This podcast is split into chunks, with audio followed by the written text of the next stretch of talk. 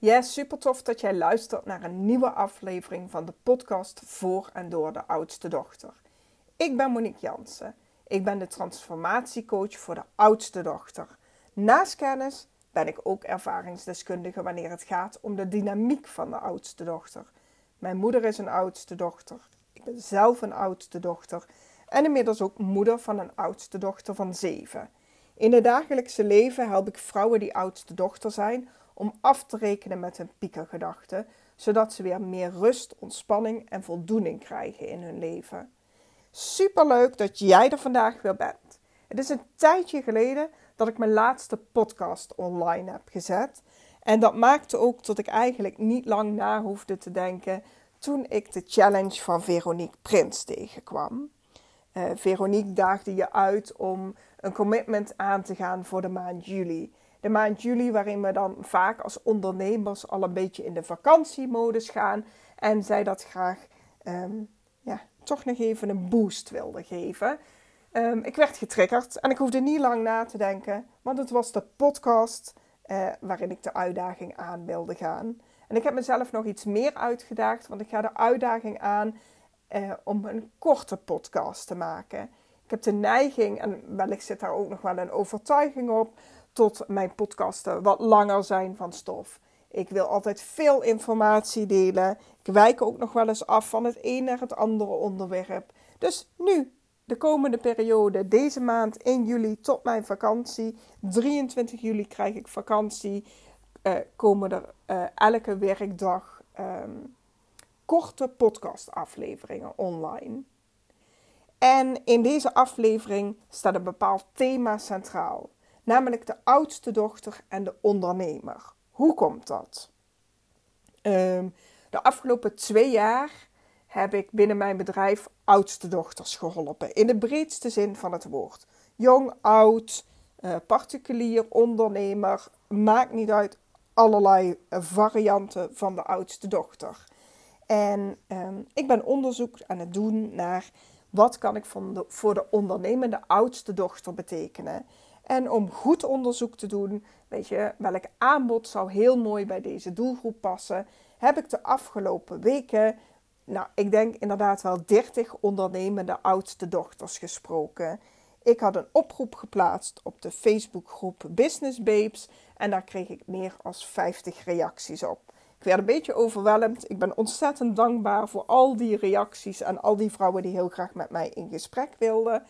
Um, vaak, ze werden veelal getriggerd door de combinatie oudste dochter ondernemerschap, waardoor ze nieuwsgierig werden en dat maakte dat ze wel met mij in gesprek wilden gaan. Nou, inmiddels heb ik dus een dertigtal van die gesprekken erop zitten. Die vrouwen hebben me ontzettend veel input gegeven. Niet alleen voor mijn nieuwe aanbod, maar ook voor podcastafleveringen, voor posts schrijven, noem maar op. Dus ik denk, hier kan ik wel een maand mee vullen. Um, en vandaag is dus de start daarvan. Dus ik ga de hele maand juli tot mijn vakantie podcast of afleveringen opnemen die in het teken staan van de oudste dochter en ondernemer. Um, heel even kort, want haak jij nu net pas in en denk je, huh, oudste dochter, hoe wat? Wanneer ben jij een oudste dochter? Je bent een oudste dochter als je de eerstgeboren, ja, het eerstgeboren kind bent. Maar je bent ook een oudste dochter als je oudere broers hebt of als je enigskind bent. En die laatste twee die worden vaak over het hoofd gezien. Dus dat even ter uh, intro van wanneer ben je een oudste dochter. Want dat is wel handig om te weten. Dus mocht je net instappen, dan heel kort. Weet jij nu of jij een oudste dochter bent? Nou goed, ben jij een oudste dochter en een ondernemer? Ja, dan heb je goud in handen. En misschien word je nu nieuwsgierig. Um, ik ga je even meenemen. Als oudste dochter heb je typische eigenschappen, namelijk een groot verantwoordelijkheidsgevoel, voortvarend, serieus, plichtsgetrouw, zorgzaam. En dan heb ik even een vraag aan jou. Zie jij dit als jouw kwaliteiten of zie jij het als je valkuilen? Want vrouw ik zie echt dat jij fantastische kwaliteiten in huis hebt om een succesvol bedrijf op te richten. Want verantwoordelijkheidsgevoel, daar zit de wereld op te wachten. Je bent daadkrachtig. Je bent resultaatgericht.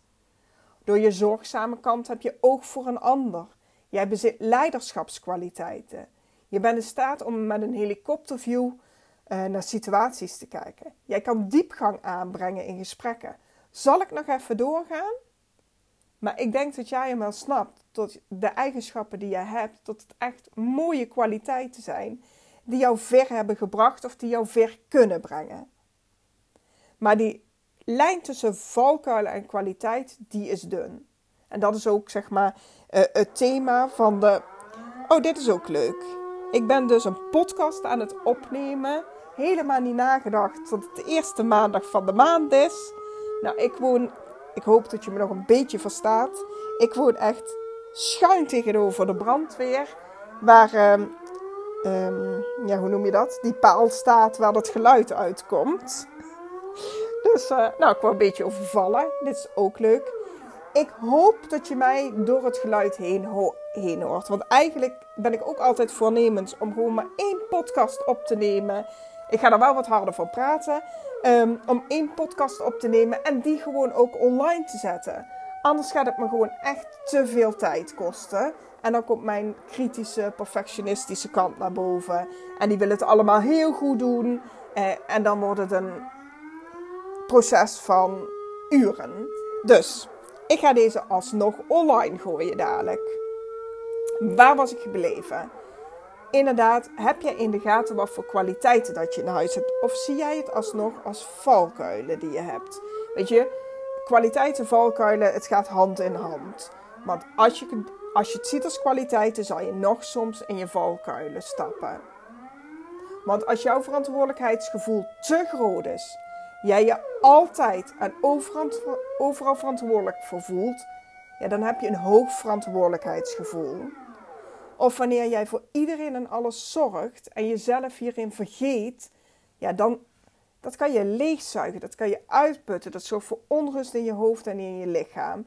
Maar het is niet vreemd dat jij als oudste dochter af en toe uh, vanuit je kwaliteiten in je valkuilen stapt en dat over en weer. Maar als jij in staat bent om um, het grootste gedeelte in je kwaliteit te blijven staan. En je bent je daar bewust van en je kan daarop aansturen. Uh, wanneer je merkt dat je in je valkuilen gaat stappen, ja, dan heb je goud in handen. Want um, dit zijn echt prachtige eigenschappen om een succesvol bedrijf op te richten. Nou, ik heb dus ontzettend veel ondernemende oudste dochters gesproken. Dat heeft me ontzettend veel uh, input gegeven, ook voor deze podcastreeks. Dus ik ga hem nu ook afronden, want ik wil eigenlijk afleveringen onder de 10 minuten. Dus ik ga deze afronden en morgen ben ik weer bij je terug met een nieuw thema. En uh, ja, ik hoop dat jij deze hele reeks gaat uh, luisteren. Dat ik je inspireer, dat ik je uitdaag, dat ik je um, ja, misschien ook wel nieuws, nieuwe inzichten geef. Nou ja, goed, laat het me vooral weten. Ik vind het gewoon hartstikke leuk om te weten als jij deze reeks gaat volgen. Als het je dingen opbrengt en deel dat vooral. Ik zie je morgen weer. Dankjewel voor het luisteren en een fijne dag. Doei doei!